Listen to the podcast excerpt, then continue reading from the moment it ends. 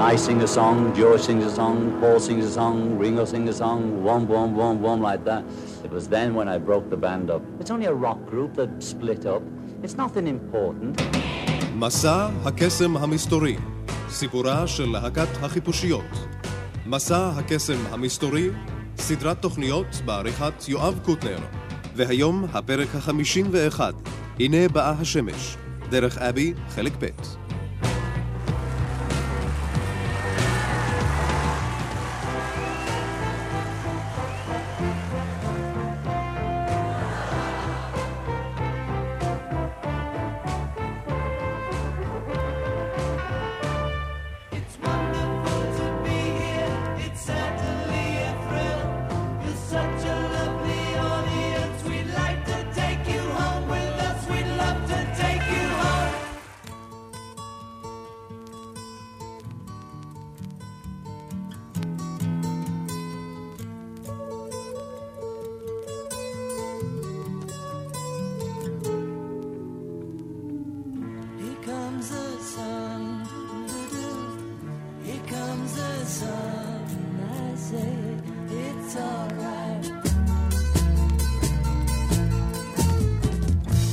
שלום לכם.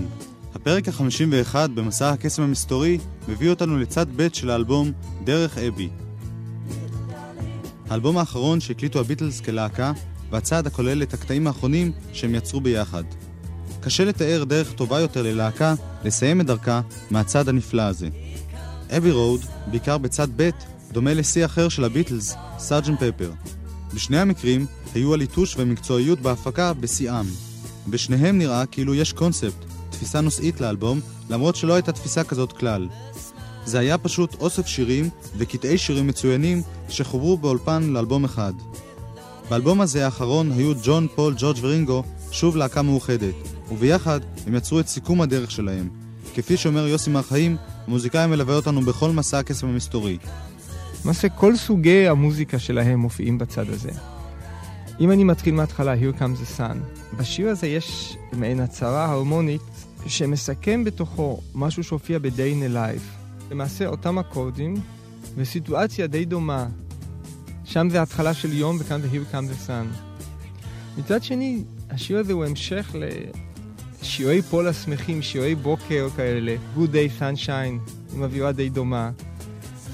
יש משהו בשיר הזה כל כך אופטימי, אפילו במבנה ההרמוני. זאתי שפה הרמונית שהביטלס פיתחו במשך עשר שנים, ופה אין מה לדבר, אפשר לשבת ולכתוב ספר.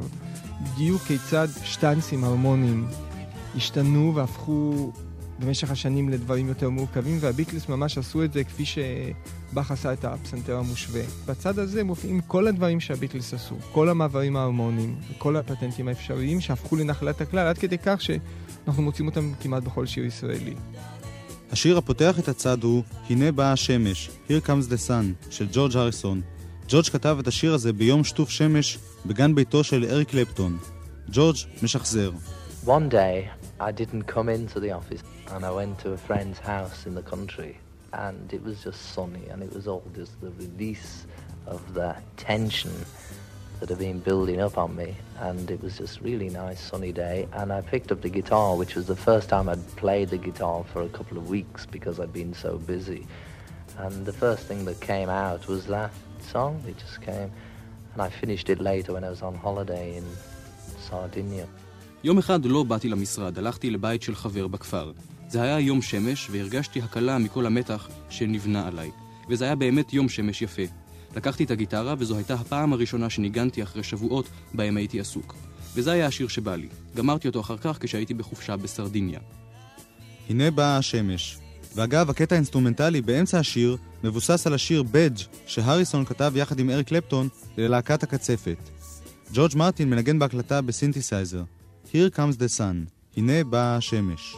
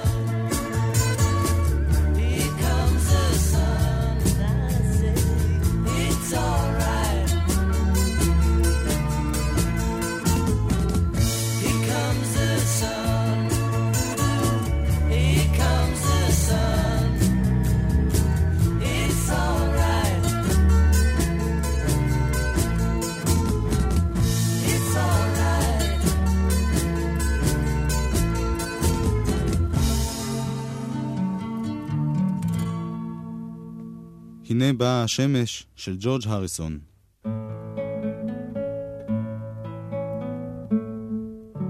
ג'ורג' הריסון היה ההפתעה הגדולה של דרך אבי. שני השירים שלו, Something ו-Here Comes the Sun, נחשבים למעולים ביותר. ג'ורג' הסביר את התגלותו המאוחרת כמלחין בפשטות. And there's been lots of songs I've written which I haven't actually got around to recording. In my own mind, I don't see what the fuss is because I've heard these songs before and I wrote them, you know, quite a while back. And it's really nice that people like the song. אני כותב כבר כמה שנים, וישנם שירים רבים שלא הקלטתי. לכן לגביי אין חידוש בכך שיש לי שירים טובים באלבום. אני מכיר את השירים האלה כבר זמן רב, ואני שמח שאנשים אוהבים אותם. I wasn't Lennon or I wasn't McCartney. I was me. The only reason I started to write songs was because I thought, well, if they can write them, I can write them.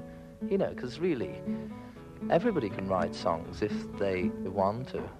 If they have a desire to, and if they have sort of some musical knowledge and background, and then it's by writing them, the same as writing books or writing articles or painting, the more you do it, the more you can understand how to do it. אני לא הייתי לנון ולא הייתי מקארטני, הייתי אני.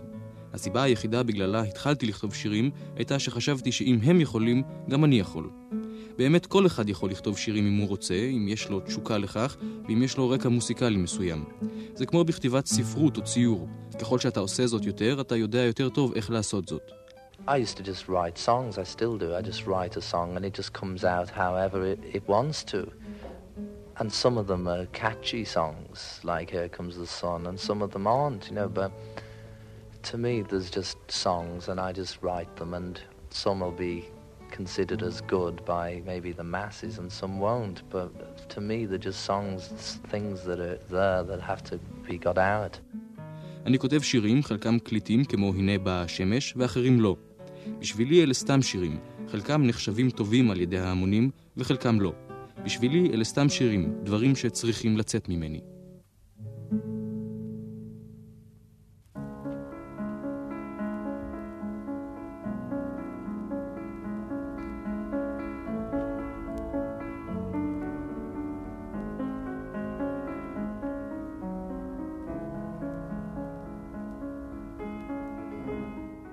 השיר הבא באלבום הוא Because, בגלל. ג'ון לנון כתב אותו ליוקו אונו על פי סונטת ליל ירח מול סונטה של בטהובן. אנחנו שומעים ברקע את הפרק הראשון מתוך הסונטה בנגינת גלן גולד. ג'ורג' הריסון אוהב את השיר הזה בעיקר בגלל ההרמוניה בת שלושת הקולות שבו. My favorite one is, I think, Because. Just because I like three-part harmony. We've never done something like that for years, I think, since a B-side. And you were red tonight, and what I said tonight. So I like that. השיר האהוב עליי ביותר באלבום הוא Because, בגלל שהוא מורכב מהרמוניה בת שלושה חלקים. לא עשינו דבר כזה כבר שנים מאז Yes It Is. אני אוהב את זה. ג'ורג' הריסון, וגם פול מתלהב מהשיר של ג'ון. I like because on the second side. To say that because the world is round, it turns me on. It's great. They were John's lyrics. אני אוהב את Because בצד השני. המילים הם של ג'ון בשיר הזה. אם הוא היה משתמש במילים פשוטות, אז השיר היה נשמע מיושן. אבל הוא כתב תמליל מצוין. לדעתי זהו טקסט טוב. אחד המרכיבים המאפיינים את השיר Because ואת צד ב' של Abbey Road כולו, הוא ההרמוניות הקוליות הנפלאות של ג'ון, פול וג'ורג'. ממש כמו בימים הטובים של הביטלס, ועוד יותר מכך. האם באמת אבי רוד הוא שוב תקליט של להקה מגובשת? בצד הראשון זה בפירוש תקליט של בודדים, והצד השני הוא תקליט של להקה. קשה לתאר. זה מזכיר כל מיני סיפורים על בעל ואישה שמשחקים בתיאטרון ולמעשה הם אוהבים מאוד ועל הבמה הכל עובד נהדר. משום שהצד השני הוא בשום פנים לא תקליט של בודדים. נכון שלמשל ג'ון אחראי לביקוז ופול מקארטני אחראי לרוב התקליט, אבל מבחינת נגינה, נגינה בצוותא זה ממש קבוצה מאוד מאוד מגובשת. נכנסו באולפן, עשו את זה מהר יחסית, יחסית לגודל המשימה, התקליט הזה בוצע במהירות מאוד גדולה ובלי תקוות גדולות להמשך. אולי אפשר לראות בתקליט הזה כמה דברים שאחר כך כל אחד מהם בדרכו האינדיבידואלית. הזרעים לדברים האלה באמת הם פה, אבל אני חושב שאפשר להתייחס לדברים האלה כגופם כלהקה אחת שעשתה את צד שניים, וכארבעה אנשים שעשו את הצד הראשון. ועל השיר Because אומר יוסי מר חיים. המילים האלה, Love is old, Love is new, Love is all, Love is you, רומז אל ג'ון לנון היותר מאוחר, שהתעסק הרבה מאוד עם שירי אהבה. פה יש את הסיפור הידוע איך המונלייט סונטה של בטהובן, כשמנוגנת הפוך, נתנה לג'ון לנון את הרעיון.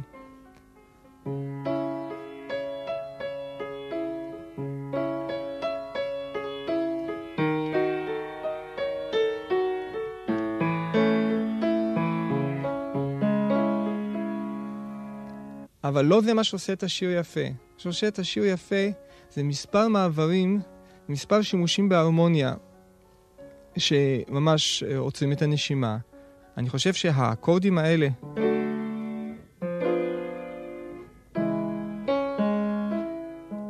אני חושב שכל הקטע הזה מושר בצורה שאף פעם לא אושר גם על ידי הביטלס. ושוב פעם אני רוצה לחזור לטענה הקודמת שלי, שהיחסים האישיים ביניהם בכלל לא השפיע על צורת העבודה. כל כך יפה הם נשמעים ביחד. ההרמוניה של ביקוז היא קצת חורגת מההרמוניה של הביטלס, ומוזר שדווקא ג'ון לנון, שההרמוניות שלו הן עלולות להיות דיסוננציות ובדרך כלל לא כל כך מורכבות, עשה פה עבודה לא תאומן מבחינה הרמונית.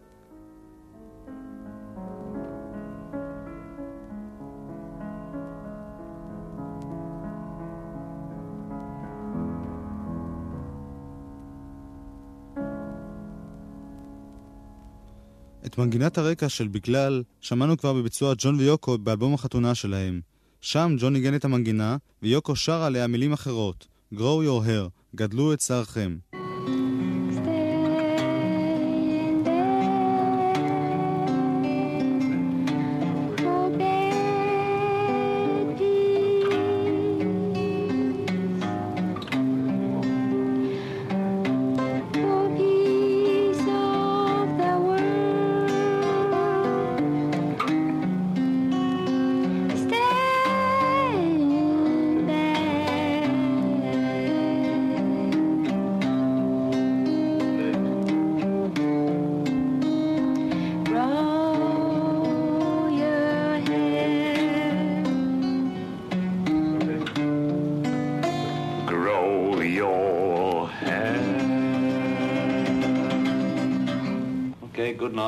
ועכשיו השיר Because בגלל, כפי שהוא מופיע בדרך אבי.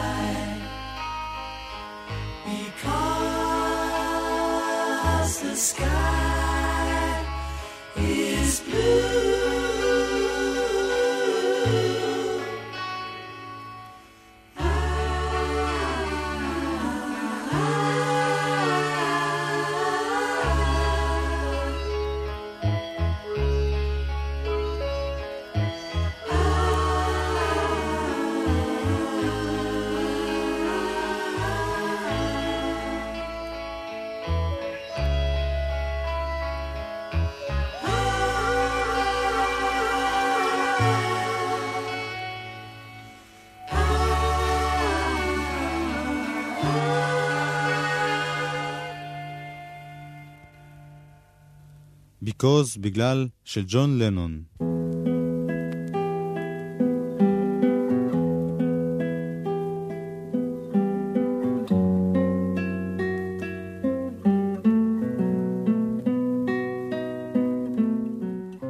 צד ב' של האלבום דרך אבי הוא מעין יצירה ארוכה אחת, מה שמבקרי מוזיקה הגדירו כמסע מן התמימות אל הבגרות. מסע המסכם את כל יצירת הביטלס. אחרי השיר ביקוז, אותו שמענו כרגע, מתחילה מחרוזת של שמונה קטעים, הנפסקת רק פעם אחת באמצע. כדי לא להפריע לרצף שיצרו הביטלס, נאמר קודם את מה שיש לנו לומר על הקטעים, ואחר כך נשמע אותם ברציפות, ללא הפרעה. בזמן שהצד הראשון הוא המשך ישיר של התקליט הלבן, הצד השני הוא מין סוויטה כזאת, או פואמה סימפונית, זאת אומרת משהו מאוד ארוך, שבעצם זו יחידה אחת שמתפרקת לפרקים קטנים. עם אחידות מדהימה גם במילים ובנושאים, גם בהרמוניות, למרות שאנשים שונים אחראים כל פעם לקטע אחר. פרט לזה יש שם כמה קטעים וירטואוזים, קטעי סולו, שכבר שכחנו בכלל שהביטלס מנגנים סולו, זה חבורת נגנים, ואנחנו כבר עם כל העיבודים שכחנו. מה שכאן כל כך טוב זה שלמעשה השירים הם לא נכתבו כאיזושהי סימפוניה. יש כאן דברים שהם בכלל קטעי שיר, יש כאן קטעי רעיונות. והארגון של הסולמות, הארגון של ההרמוניות, החזרה של דברים, מתי משהו חוזר, מתי זה סוג מסוים של מבנה הרמוניו, מתי סוג מסוים של משפט חוזר.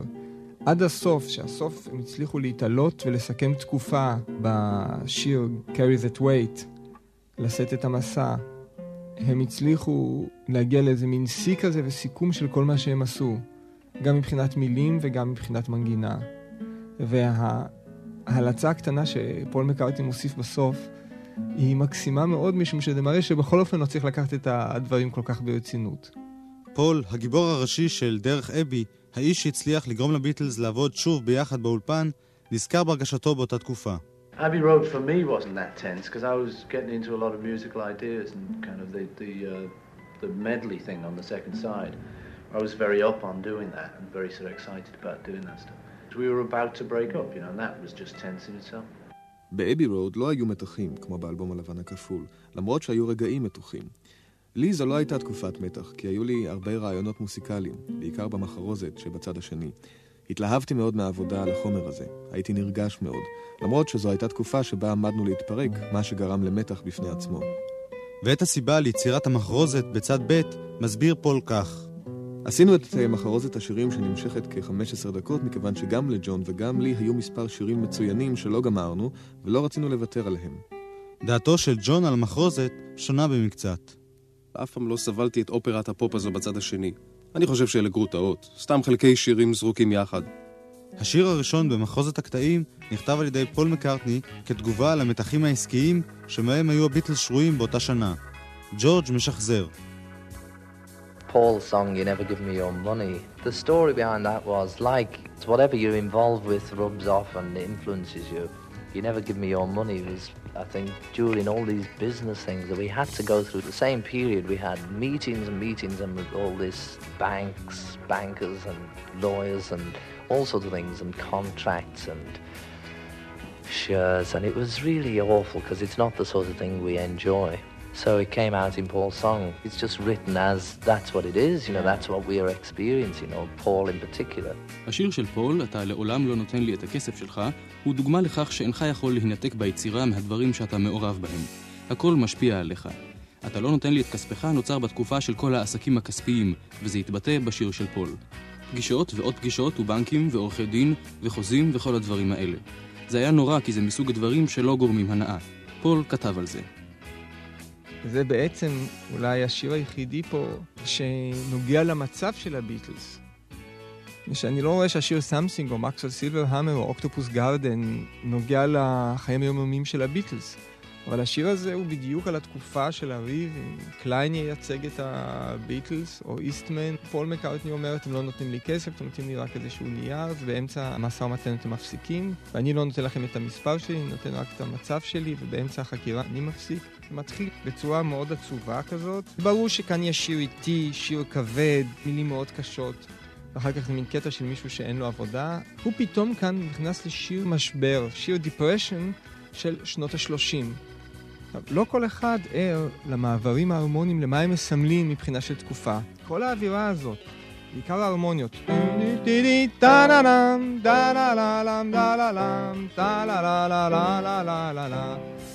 והצורה שהוא שר את זה, שר את זה כמו באמת בשנות ה-30.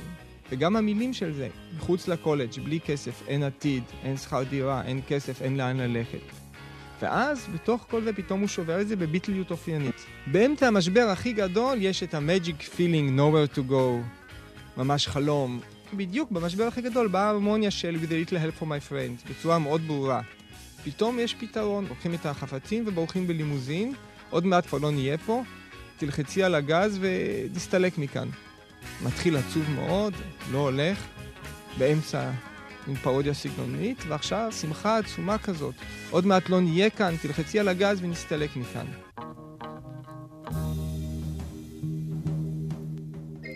ואחרי You Never Give Me Your Money בא השיר Sun King, מלך השמש, בו ג'ון, ג'ורג' ופול מתחלקים בשירה.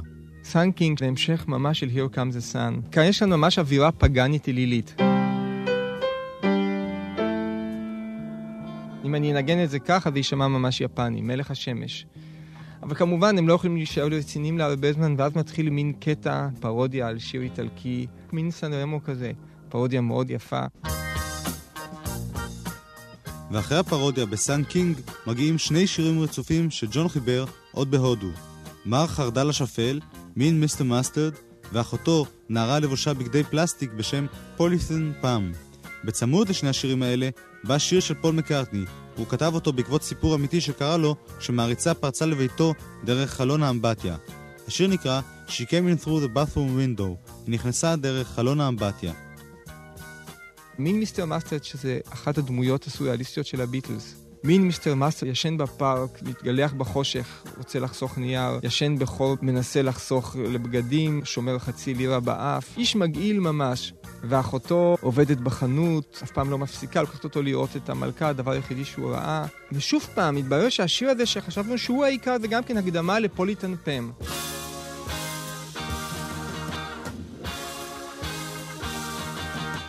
הכל מהר מהר, תראו אותה, זה פוליטן, זה הדבר הכי חדש, היא יפה, היא נראית כמו גבר, לבושה ככה, משהו, חלום כזה. ובשביל זה המהירות הזאת. עכשיו, המהירות הזאת היא שוב פעם הקדמה, הקדמה לסולו, משום שאנחנו כבר מזמן מזמן לא שמענו את המנגנים בכלל, מנגנים סולו. פה כבר צריך לדעת לנגן, ופה יש באמת סולוים של ג'ורג', סולו מאוד יפה. שוב פעם יותר מהר, זאת אומרת, יש כאן האצה מה Sun King יותר ויותר ויותר מהר, עד הקטע על הבחורה שנכנסה ב bathroom window, שזה בעצם כבר בלוז. אחרי שהוא נמצא בקצב של רוק חזק מאוד ורוצה לעבור לשיר בלוז, הוא נמצא בקצב כמו זה. הוא מבצע מעבר בס כזה.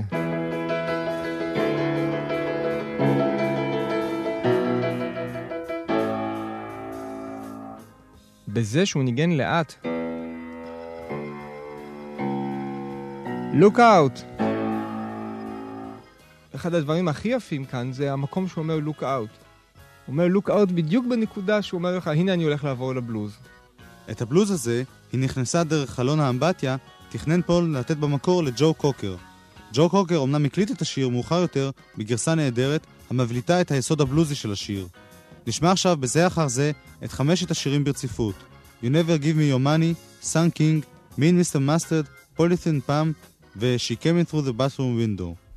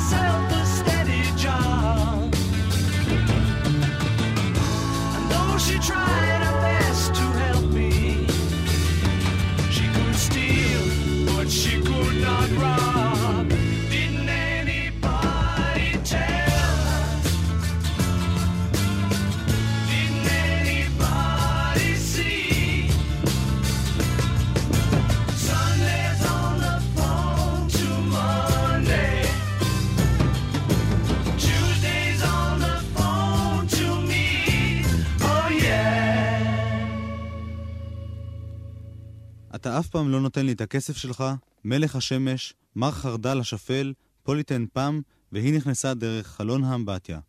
ואנחנו עם המחרוזת השנייה בצד, המתחילה בשיר הערש הנפלא של פול מקארטני, Golden Slumbers, נמנומים מוזהבים. אל השיר הזה מחובר שיר נוסף, Carry That Weight, שא משא זה. נשמע קודם כל את שני הקטעים בהקלטה נדירה, הקלטת דוגמה שערך פול מקארטני, ובו הוא שר את השירים לבד, ללא העיבוד המוכר, ובלי שיר שלישי שהופיע בסוף באלבום, The End, Golden Slumbers ו-Carry That Weight. Once there was a way to get back homeward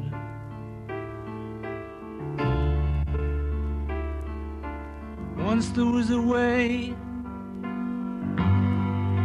to get back home. Sleep, pretty darling, do not cry. And I will sing a lullaby.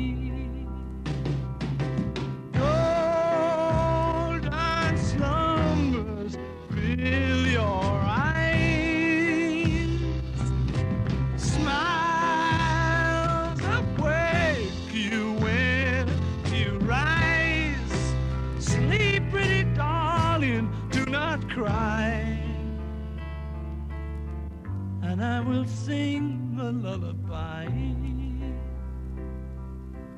Once there was a way to get back homeward.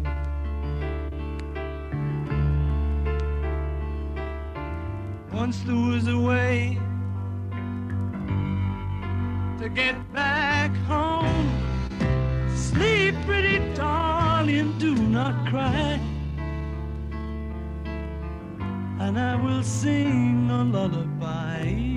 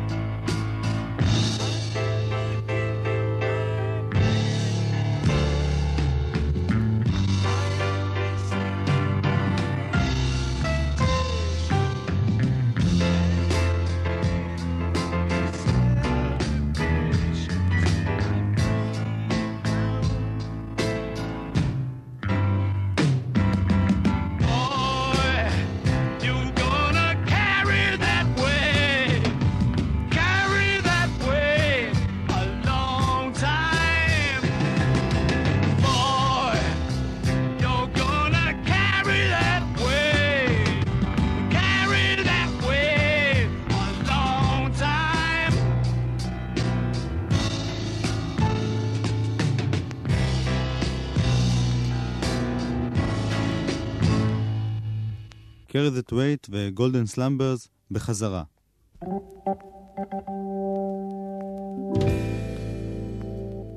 ושוב אל ג'ורג' הריסון, העונה לשאלה מהם הקטעים האהובים עליו ביותר בצד הזה.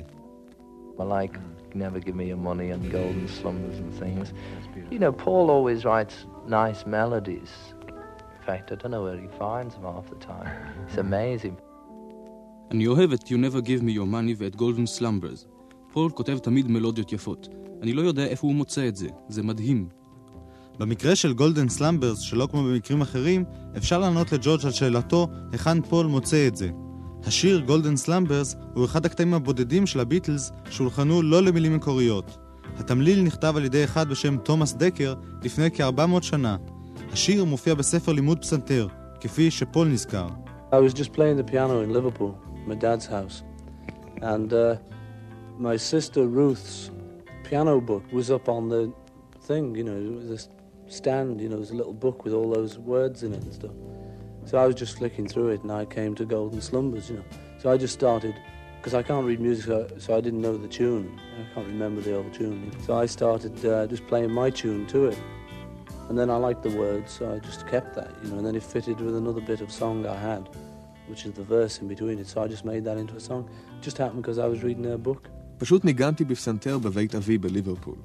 לאחותי רות הייתה מחברת לימוד פסנתר, והיו בה כל מיני קטעים, ביניהם Golden Slumbers, ומילים לכל מיני שירים אהובים וישנים. הסתכלתי בזה, ומפני שאני לא קורא תווים, התחלתי לחבר למילים מנגינה משלי. לא זכרתי את המנגינה המקורית ואהבתי את המילים, אז הפכתי את זה לשיר שלי. השיר גולדן סלמבר זה ממש אגדה, אגדה שיר ארז. פעם הייתה דרך לחזור הביתה, תשני ואל תבכי ואני אשאיר לך שיר ארז. שינה מתוקה תמלא את עינייך, וחיוכים יקדמו אותך כשתתעוררי. אני לא חושב שעוד מישהו בעולם חוץ מפול מקארטני יכול לבצע את זה. יש בזה משהו כל כך אינטימי. ואחר כך שהוא שר את זה כבד, Golden slumbers fill your eyes. גם זה קצבי, אבל זה עדיין ממשיך שיר הארס. וזה שוב פעם הכנה ל-carry that weight. Carry that weight זה עוד שיא בשרשרת השיאים. תצטרך להמשיך לסחוב את כל העניין הזה. אולי כל העניין הזה זה הביטלס והחברה שהם הקימו ואת כל העניין. You're gonna carry that weight, פה אין חוכמות. כבד מאוד. ובלי בלי פשרות. לתוך זה מופיע בחצוצרות את ה- You never give me your money, דבר משגע. עם וריאציה מאוד יפה בגיטרה. זה הברקה שקשה למצוא בתקליטים אחרים. הרגע הנכון מתי להכניס את המנגינה מההתחלה. זה יוצא מן הכלל, איך שזה נכנס שם. ואחר כך איזה עוד שניים, שלושה קטעים וירטואוזיים, שלושה סולואים בלוז מאוד יפים. עכשיו, הסוף, סיכום כל מה שהביטלס עשו עד עכשיו, גם במוזיקה. And in the end, the love you take is equal to the love you make. שלושת הקטעים הרצופים האלה, נמנומים מוזבים, סם עשה זה, והסוף, הם במקרה או שלא במקרה, שלושת השירים האחרונים שהקליטו הביטלס אי פעם ביחד. המאורע ההיסטורי הזה התרחש ב-31 ביולי 1969. קשה לדעת אם הביטלס אכן היו משוכנעים שהם הגיעו לסוף הדרך, ושזהו האלבום האחרון שלהם. מה שברור, שבקטעים האלה יש תחושת סיום חזקה מאוד. ב-Carry That Weight, סם עשה זה, שרים כל הארבעה יחד, כאילו מנסים לעודד אחד את השני להמשיך ולהחזיק מעמד. ואז לקראת הסוף, בשיר The End, מופיע סולו תופים קצר של רינגו, הסולו הראשון שלו בכל ימי הביטלס, ואחריו ג'ורג', פול וג'ון בקטעי סולו גיטרה. ג'ון מציין את הסולו הזה שלו לטובה. בדרך כלל לא שמעו אותי בקטעי סולו גיטרה. יש לי סולו יפה בסוף של התקליט דרך אבי, בשיר The End. פול נתן לכל אחד מאיתנו סולו. ג'ורג' מנגן, וגם פול, וגם אני, במעבר הקטן שאחרי התופים. אני מנגן את הסולו השלישי. יש לי סטייל נגינה מוגדר מאוד, תמיד היה לי, אבל הוא היה בצל. קוראים לג'ורג' הריסון הזמר הבלתי נראה, אז אני הגיטריסט הבלתי נראה. ג'ון לנון. נשמע עכשיו ברציפות את שלושת הקטעים האחרונים שהקליטו הביטלס, Golden Slumbers, Carry That Weight ו-The End. Once there was a way to get back homeward.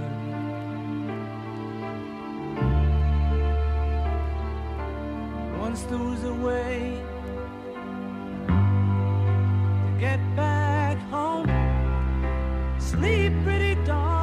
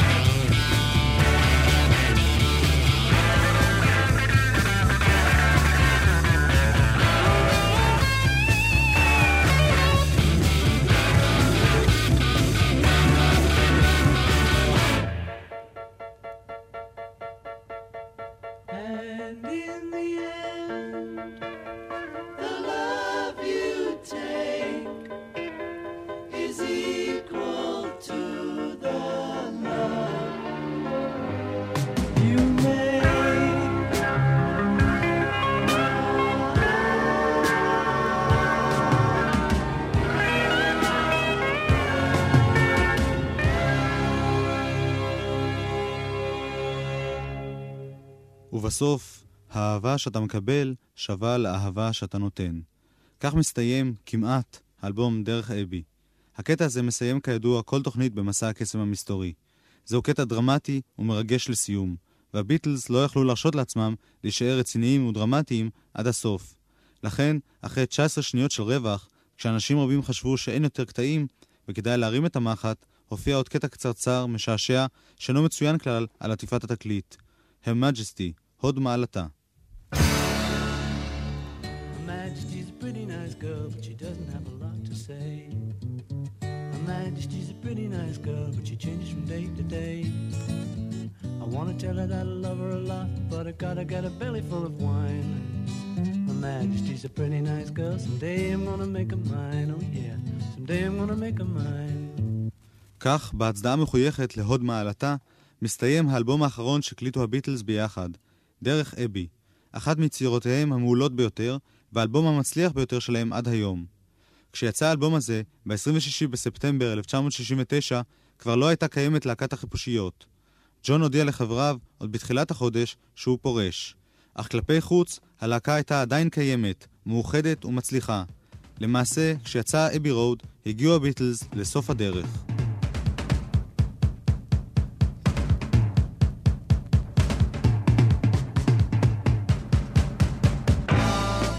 מסע הקסם המסתורי, סיפורה של להקת החיפושיות, סדרת תוכניות בעריכת יואב קוטנר, עוזר עריכה עודד היילברונר, הקלטות נדירות הלל אברמוב, ביצוע טכני דורון זאב. בתוכנית הבאה, תרנגול הודו קר, סופה של להקת החיפושיות.